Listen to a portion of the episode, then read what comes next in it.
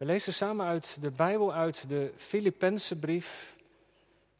We starten in hoofdstuk 1, vers 27. En we lezen door tot hoofdstuk 2, vers 11. Paulus heeft een bijzondere band met de gemeente van Filippi. Dat blijkt als je de brief leest. Maar hij maakt zich ook zorgen. En met die zorgen starten we. 1 vers 27. Alleen wandel het evangelie van Christus waardig. Opdat ik, of ik nu kom en u zie, of dat ik afwezig ben, van uw zaken mag horen. Dat u vaststaat in één geest. Dat u samen eensgezind strijdt door het geloof in het evangelie. Dat u zich in geen enkel opzicht schrik laat aanjagen door de tegenstanders. Voor hen is dit een duidelijk teken van verderf, maar voor u van zaligheid, van de redding. En dat van God uit. Want aan u is het uit genade gegeven in de zaak van Christus niet alleen in Hem te geloven, maar ook voor Hem te lijden. Omdat u dezelfde strijd hebt als die u bij mij hebt gezien en nu van mij hoort. Als er dan enige bemoediging is in Christus, als er enige troost is van de liefde, als er enige gemeenschap is van de geest, als er enige innige gevoelens en ontfermingen zijn, maak dan mijn blijdschap volkomen. Doordat u eensgezind bent, dezelfde liefde hebt, één van ziel, één van gevoelen. Doe niets uit eigen belang of eigen dunk, maar laat in nederigheid de een de ander voortreffelijker, belangrijker achter dan zichzelf. Laat een ieder niet alleen oog hebben voor wat van hemzelf is, maar laat ieder ook oog hebben voor wat van anderen is. En dan komt de tekst, vers 5. Laat daarom die gezindheid in u zijn die ook in Christus Jezus was. Welke gezindheid dan? Nou, die hij, hoewel hij in de gestalte van God was, niet als een roof beschouwd heeft aan God gelijk te zijn, maar zichzelf ontledigd heeft. Door de gestalte van een slaaf aan te nemen en aan de mensen gelijk te worden. En in gedaante als een mens bevonden, heeft hij zichzelf vernederd. Is gehoorzaam geworden tot de dood, ja tot de kruisdood. En daarom heeft God hem ook bovenmate verhoogd en hem een naam geschonken boven alle naam, opdat in de naam van Jezus zich zou buigen elke knie van hen die in de hemel, die op de aarde en die onder de aarde zijn. En elke tong zou beleiden dat Jezus Christus Heer is, tot heerlijkheid van God de Vader. Tot zover de lezing van de woorden van God. We hopen er samen zo over na te denken. Gemeente van Christus, broeders en zusters, jongelui, jongens en meisjes. Afgelopen maandag was het dodenherdenking. Onze koning hield toen een indrukwekkende toespraak. En in die toespraak deed de koning iets bijzonders. Hij noemde de naam van iemand die grote indruk op hem had gemaakt. Misschien heb je het wel gehoord. Jules Schelvis. Deze man van Joodse afkomst had maar liefst in zeven concentratiekampen gezeten. Maar als door een wonder had hij de oorlog overleefd. En de koning had deze man ontmoet en zijn levensverhaal had hem diep geraakt. Want ondanks alle verschrikkingen die hij had meegemaakt, had hij de moed niet verloren. Ondanks alle moeilijke dingen had hij de hoop in mensen niet kwijtgeraakt.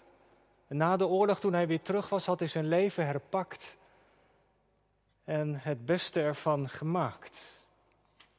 En voor de koning was deze man een inspirerend voorbeeld. Hij zei dat juist nu, nu we als land door deze coronacrisis een moeilijke tijd doormaken. Wij moeten de moed niet verliezen, maar wij moeten onze schouders eronder zetten. Als Jules Schelvis het kan, kunnen wij het ook. En mooi is dat, hè? Als er mensen zijn die door hun voorbeeld, door wat ze hebben gedaan, wat ze hebben gezegd, ons kunnen inspireren. Inspireren om in moeilijke omstandigheden, in onzekere tijd toch moed te houden, positief in het leven te blijven staan. En daarom vond de koning het voorbeeld van deze Jules Schelvis zo mooi. Het voorbeeld van mensen kan ons soms een extra zetje geven. Misschien herken je dat wel. Om een nieuwe weg in te slaan, om aan iets nieuws te beginnen, om de dingen anders te doen. Zoals Hij, zo moeten wij, zo moet ik het ook doen. Heb je wel eens gedacht misschien? Misschien ken je het spreekwoord wel. Goed voorbeeld doet goed volgen. En daarmee bedoelen we, als je zelf op de goede manier handelt, dan nemen mensen, anderen dat vanzelf wel over. Goed voorbeeld doet goed volgen. Nu is dat natuurlijk niet helemaal waar, want er zijn ook voorbeelden, dingen die je bij een ander ziet die je juist niet moet overnemen. Als je, veel, als je vrienden veel drinken, kun jij het ook gaan doen. Als er bij jou in de klas of op je werk of in je vriendengroep heel veel over iemand wordt gepraat of geroddeld, kun je zomaar ook mee gaan doen. Er zijn slechte gewoontes, dat weten we allemaal wel. Die moet je natuurlijk niet navolgen. Maar vanmorgen gaat het over het positieve. Mensen van wie je wat kunt leren. Misschien wel iemand in je kring, iemand die je kent, die ergens goed in is en dat je bij jezelf denkt, zoals hij het kan, zo wil ik het ook. Iemand die heel goed is in judo, voetballen, wielrennen. Of iemand die heel enthousiast spreekt over fotografie en je denkt, ja, dat zou ik ook wel willen. Een juf op school die goed kan lesgeven. Een meester die heel goed verhalen kan vertellen. Iemand in je bedrijf die op een inspirerende manier leiding geeft. Iemand die altijd vol vertrouwen is op God. En het raakt je en je denkt, zo zou ik zelf ook wel willen zijn. Kunnen mensen zijn uit je omgeving. Misschien heb je al iets bij je ouders waar je stilletjes wel jaloers op bent. Je opa, je oma, een leraar, een juf. Misschien wel een goede vriend of vriendin. Goede voorbeelden zijn belangrijk. Daar kunnen we ons aan optrekken. Nou, met deze inleiding zitten we eigenlijk midden in het Bijbelgedeelte van vanmorgen. Want Paulus doet precies hetzelfde als onze koning deed afgelopen maandag. Toen hij die naam noemde van iemand die hem inspireerde. Paulus noemt de naam van iemand die veel voor hem heeft betekend. Iemand die hij hoog heeft staan, waar hij heel veel van heeft geleerd. En hij schrijft in vers 5 uit hoofdstuk 2, de tekst die vanmorgen centraal staat. Dan schrijft hij tegen de mensen in Filippen: Laat die gezindheid in u zijn, die ook in Christus Jezus was. Zijn grote voorbeeld is de Heer Jezus. En hij zegt tegen de mensen in Filippi: Jullie moeten het voorbeeld van Jezus volgen. Heb dezelfde gezindheid als Hij. En gezindheid, wat is dat? Dat is wat je denkt en wat je doet. Paulus zegt eigenlijk tegen de mensen daar: sta net zo in het leven als Jezus. Ga zo met de mensen om zoals Hij dat deed. Als jullie dat doen, dan maken jullie mij volmaakt gelukkig, schrijft Paulus. Dan ziet de gemeente er beter uit, dan ziet de wereld er beter uit. Doe dat maar. En waarom zegt Paulus dat? Nou, omdat er in de gemeente van Filippi problemen waren. En Paulus is erover bezorgd. Als je de tijd neemt om deze brief te lezen, dan merk je dat Paulus een bijzondere band heeft met de gemeente van Filippi. Een bijzondere band met deze broeders en zusters. Het was de eerste gemeente in het nieuwe continent Europa waar Paulus door God naartoe was geroepen. In zijn brief dankt hij God voor de broeders en zusters. Hij zit zelf op het moment dat hij schrijft in de gevangenis. Maar zijn brief is vol vreugde en dankbaarheid. Daar in Filippi zijn mensen die van de Heer Jezus houden. De geest werkt. Er gebeuren mooie dingen in de gemeente. Ze zien naar elkaar om. Dat in een moeilijke tijd.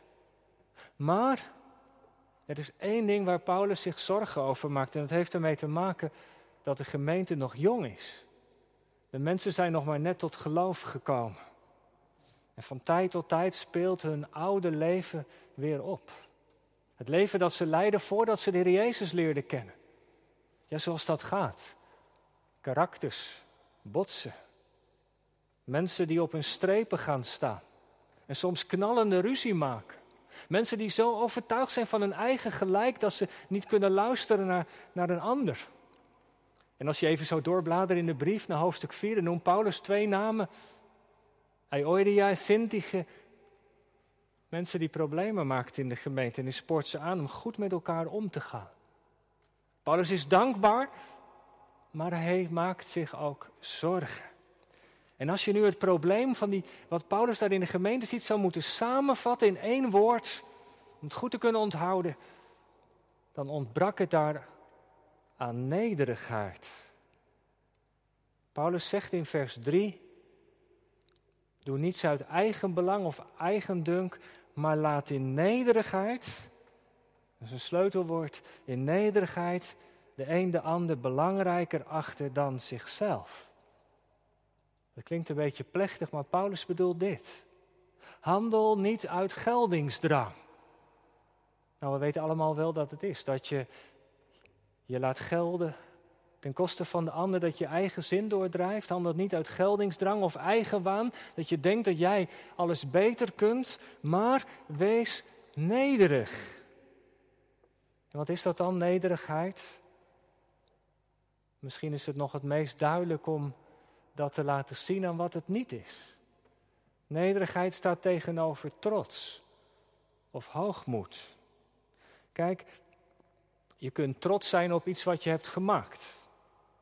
Nou, jongens en meisjes, jongelui, dat, dat herkennen jullie misschien wel. Je hebt een mooie tekening gemaakt.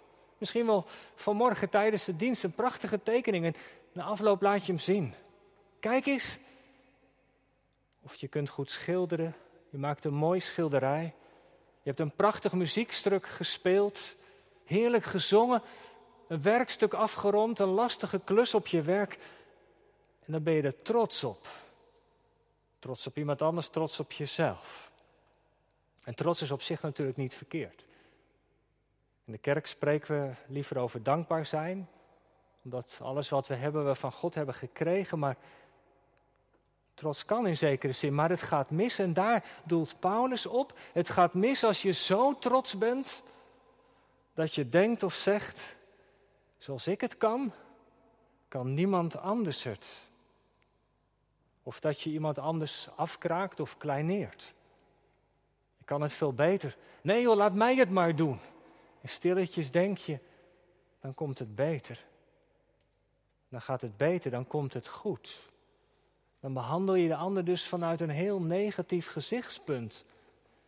En in feite komt het heel dicht natuurlijk bij egoïsme. Jouw mening, jouw ideeën, jouw manier van werken, jouw manier van handelen, zo moet het. Alleen zo is het goed. En dat proefde Paulus daaruit de berichten die hij hoorde van een jonge gemeente in Filippi. Nou, we begrijpen allemaal dat het zo natuurlijk niet werkt. Dan ben je onuitstaanbaar. Mensen die alles beter weten, die kunnen beter maar alleen op een eiland zijn. Dan kunnen ze het helemaal eens zijn met zichzelf. Maar Paulus zegt: nee, dat is niet de weg. Wees nederig. Zet jezelf niet op de eerste plaats. Heb oog voor die ander. Wat vindt hij belangrijk? Wat, wat wil zij graag zeggen? Maar waarom is dat dan zo lastig? voor mensen om nederig te zijn. Waarom moet Paulus de gemeente daar in Filippi ertoe aansporen? Nou, ik denk hierom. Omdat wij mensen diep van binnen heel erg onzeker zijn. Wij allemaal. Kijk, wij zijn geschapen, net als Adam en Eva, om in een vertrouwelijke omgang met God te leven, in Zijn tegenwoordigheid. God heeft ons lief. En hij bevestigt ons in zijn liefde, in onze identiteit. En als we door het geloof met de Heer Jezus verbonden zijn, dan zijn we geliefde kinderen van God. En God wil dat we dat allemaal weten en eruit leven. Maar het virus van de zonde is nu dat we steeds weer bij Hem vandaan gaan. Herken je dat? Ik herken het wel. Dat we Zijn stem niet horen, Zijn woorden vergeten de bevestiging van zijn liefde niet opmerken. En je voelt je leeg en onzeker. En die leegte die ga je dan vullen. Door ergens heel goed in te zijn op je werk. Door je ambitie, door respect af te dwingen, doordat je dingen sneller en beter kan, doordat je de eerste bent. Zodat, door neer te kijken op een ander. Omdat je diep in je hart graag wil meetellen, gezien worden, gekend. Nou, dat is het probleem wat Paulus aantrof. Het is eigenlijk een probleem van alle tijden, denk ik. En die onzekerheid en en die trots, die beschadigde relaties en zetten dat mooi in de gemeente onder druk. En daarom wees nederig. Nou ja, nou is dat natuurlijk makkelijk gezegd. Maar hoe doe je dat dan, Paulus? Hoe kunnen wij nou nederig zijn? Hoe kunnen we dat leren? Weet u, weet je wat nou de grote ontdekking van Paulus was? Dat nederigheid een bijproduct is vrucht. Een gevolg van iets anders. Nederigheid in je leven gaat groeien als je de focus verlegt van jezelf naar de Heer Jezus. En dat is het geheim wat Paulus ontdekte. Nederigheid groeit als Jezus steeds meer in het centrum van je leven komt te staan. En dat was de grote ontdekking van Paulus geweest. Je zou kunnen zeggen, Paulus was een streber tot en met. Handje de voorste in alles. Niemand kon de dingen zo goed doen als hij. Maar toen hij Jezus ontmoette, is dat allemaal begonnen te veranderen. En die ontmoeting met Jezus op weg naar Damascus, die heeft zijn leven veranderd. Hij heeft met andere ogen leren kijken naar zichzelf en naar Jezus. En nou is hij daar zo vol van. Dat hij de gemeente daar in Filippi en ons vanmorgen allemaal aanspoort. Met maar, maar één stem. Kijk naar Jezus. Let op zijn voorbeeld. En als hij over de Heer Jezus begint te spreken, dan raakt hij helemaal in vervoering. De versen die wij hebben gelezen, de versen 6 tot en met 11, vormen een lied.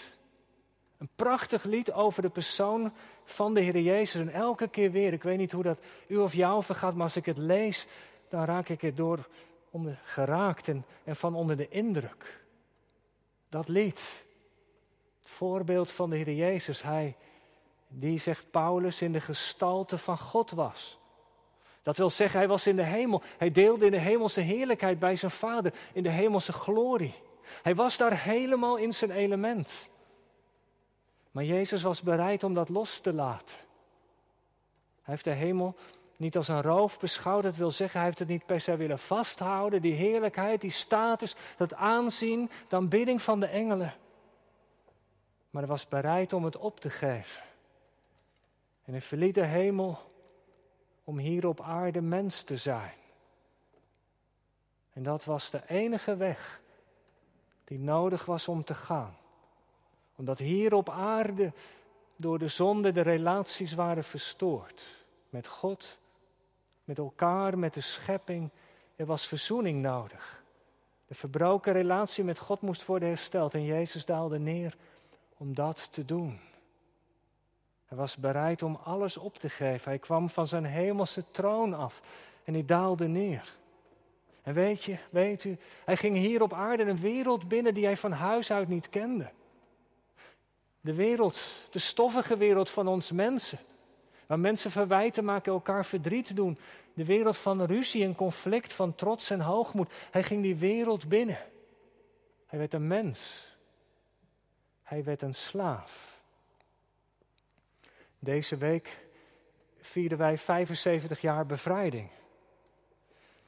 En bevrijdingsjournaal kun je verder ook zien. En wie in de Tweede Wereldoorlog in het verzet zat, en gepakt werd, die moest natuurlijk gelijk onherroepelijk de gevangenis in. En het eerste wat met zo iemand die opgepakt was gebeurde, wat later ook in al de kampen is gebeurd, is dat je je kleding uit moest doen. En je kreeg zo'n gestreept gevangenispak aan. Je werd een nummer. Nou, je zou kunnen zeggen, zo ging het met de Heer Jezus. Hij moest zijn koninklijke kleding uittrekken om de plunje van een slaaf aan te doen. Maar dat maakte hem niet uit. Hij was bereid om die weg te gaan, zo vastberaden was hij. Om mensen te redden. Om verzoening te doen. En als je dat lied leest, dan zie je de Heer Jezus steeds dieper afdalen. Steeds dieper de menselijke ellende in. Een dienstknecht, een slaaf, bereid zelfs om zijn leven te geven. Hij heeft ons lief gehad tot het einde. En dan in die weg, en dan gaat het lied weer verder, is hij door de Vader verhoogd. En kreeg hij de bekroning die hij had verdiend.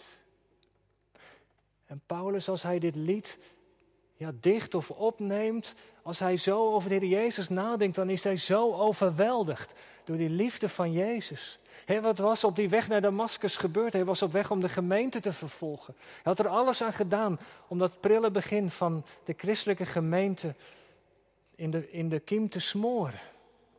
Maar daar was Jezus. En die, in die ontmoeting heeft Paulus zoveel liefde en genade geproefd. Het heeft zijn leven veranderd. En daarom spoort hij de gemeente van Filippi aan. Lieve broeders en zusters, kijk naar Jezus. Breng je in herinnering wat Hij voor je heeft gedaan. Zie je zijn ontferming voor al die eigen wijze en trotse mensen die wij zijn. Kijk naar Jezus, zegt hij tegen hen. En tegen ons vanmorgen, tegen jou, tegen u. Wij moeten dat ook doen. Jezus is de God die zich over ons heeft ontfermd. En weet u, hoe meer Hij in het middelpunt van je leven komt te staan, hoe meer je gaat veranderen. Want daar zorgt de geest voor. Hij moet wassen. Ik moet minder worden. Nederigheid is een bijproduct van onze gerichtheid op de Heer Jezus. Broeders en zusters, jonge lui, wie is de Heer Jezus voor u en voor jou? Zou je kunnen zeggen dat je net zoals Paulus Hem lief hebt? Dat je momenten kent in je leven dat je overweldigd bent door Zijn liefde? Staat Hij in het centrum van je leven? Want weet je, de enige manier waarop je leven kan veranderen, de enige manier waarop wij kunnen worden zoals God ons heeft bedoeld, is door ons hart met Zijn liefde te laten vullen, door over Hem te lezen, over Hem te zingen en van Hem te leren. En als Hij geen centrale plek in je leven heeft, dat kan ook. Kun je vandaag nog ermee beginnen. Door je knieën te buigen. Je leven voor God open te leggen en vragen of de Jezus de hoofdbewoner wordt van je hart. Hij wil niets liever. Hij wacht totdat je hem daarom vraagt. Laat die gezindheid in u zijn die ook in de Jezus was. Het voorbeeld van Jezus navolgen, daar gaat het over vanmorgen. De koning die van zijn troon afkwam, de voeten waste, de vuile harten van de mensen. Ja, zegt u, zit al wat langer in de kerk, heeft al heel wat preken gehoord, is dat niet veel te mager? Om over de Heer Jezus te spreken. Heer Jezus als ons voorbeeld, hij is toch veel meer? Ja, natuurlijk. We moeten over de Heer Jezus altijd met twee woorden spreken: verzoening en navolging. Op de weg naar het kruis is hij onafvolgbaar. De weg die hij gegaan is, die weg uit de hemel, de afdaling om ons te redden, is een weg die hij alleen is gegaan. Voor ons, zonder ons. En tegelijkertijd, dat laat de Bijbel ook heel duidelijk zien, heeft hij het ons ook voorgedaan. Hoe een leven naar Gods wil eruit ziet, zoals Peters aan het begin van deze dienst. Hij heeft ons een voorbeeld nagelaten. Dat wij in zijn voetstappen zouden wandelen. Jongens en meisjes, even in gedachten. Een voorbeeld kan misschien helpen. Even in gedachten naar de winter. Het heeft heel erg gesneeuwd. Er ligt een dik pak sneeuw. En vandaag komt je opa langs om je mee uit te nemen om te wandelen in de polder. Maar er ligt zoveel sneeuw dat het lastig is om te lopen, maar je opa gaat vooruit. Met zijn grote laarzen, met zijn stevige stappen, baant hij door de sneeuw, door het weiland een weg. En jij, ja, jij gaat erachteraan. Je probeert, het is wat lastig, maar je probeert je voeten in zijn voetstappen te zetten, zodat je hem kunt volgen en wat makkelijker door de sneeuw kunt gaan. Nou ja, zoiets. De Jezus heeft de weg gebaand. Hij gaat voorop. En hij nodigt ons uit om Hem te volgen. We hoeven het niet in eigen kracht te doen, Zijn geest zal ons daarbij helpen. Lieve broeders en zusters, ik rond af. Zo komt dus vanmorgen dat woord van, van de apostel naar ons toe. Laat die gezindheid in u zijn die ook in de Jezus was. De koning die van zijn troon afkwam om te dienen, om de mensen te zijn, om zichzelf weg te cijferen. In dat spoor zijn wij geroepen ook te gaan in de week die komt. En wat betekent dat concreet voor de komende dagen? Nou, misschien wel dit. Dat je iemand gaat bellen die je al lang niet hebt gezien. Dat je alerter bent op wat er bij je vrienden speelt. Dat je even de tijd neemt om aan je personeel te vragen hoe het met ze gaat in deze tijd van crisis. Dat je iets wat meer doet voor je buren. Misschien de boodschappen die ze zelf niet meer kunnen doen. En ook binnen de kerk. Bij alles wat we doen, bij alles wat we bespreken in onze digitale ontmoetingen en vergadering, steeds weer in je achterhoofd die ene vraag. Wat is hierin de gezindheid van Jezus? Waarmee zou hij blij zijn? Vergroot dit de eer tot, van God? Is dit tot zegen voor de gemeente? Bouwt het mensen op? Ik weet, zo'n houding komt ons niet aanwaaien. Maar die is een bijproduct, een vrucht van de focus op de Heer Jezus. En mag ik daar met u en jou nu om bidden? Laten we samen bidden. Heer, wij zeggen u hartelijk dank voor de Heer Jezus en voor de weg die Hij heeft gebaand. En voor de uitnodiging die vanmorgen naar ons toe kwam om in Zijn spoor te gaan. Wij danken u, Heer, dat nederigheid een vrucht is. Als we ons richten op uw Zoon. Werk door uw geest in onze harten. Verbind ons voor het eerst of opnieuw aan Hem. Steeds hechter, steeds dieper. En laat de vrucht van nederigheid, de minste willen zijn, dienende liefde, steeds meer groeien in ons leven.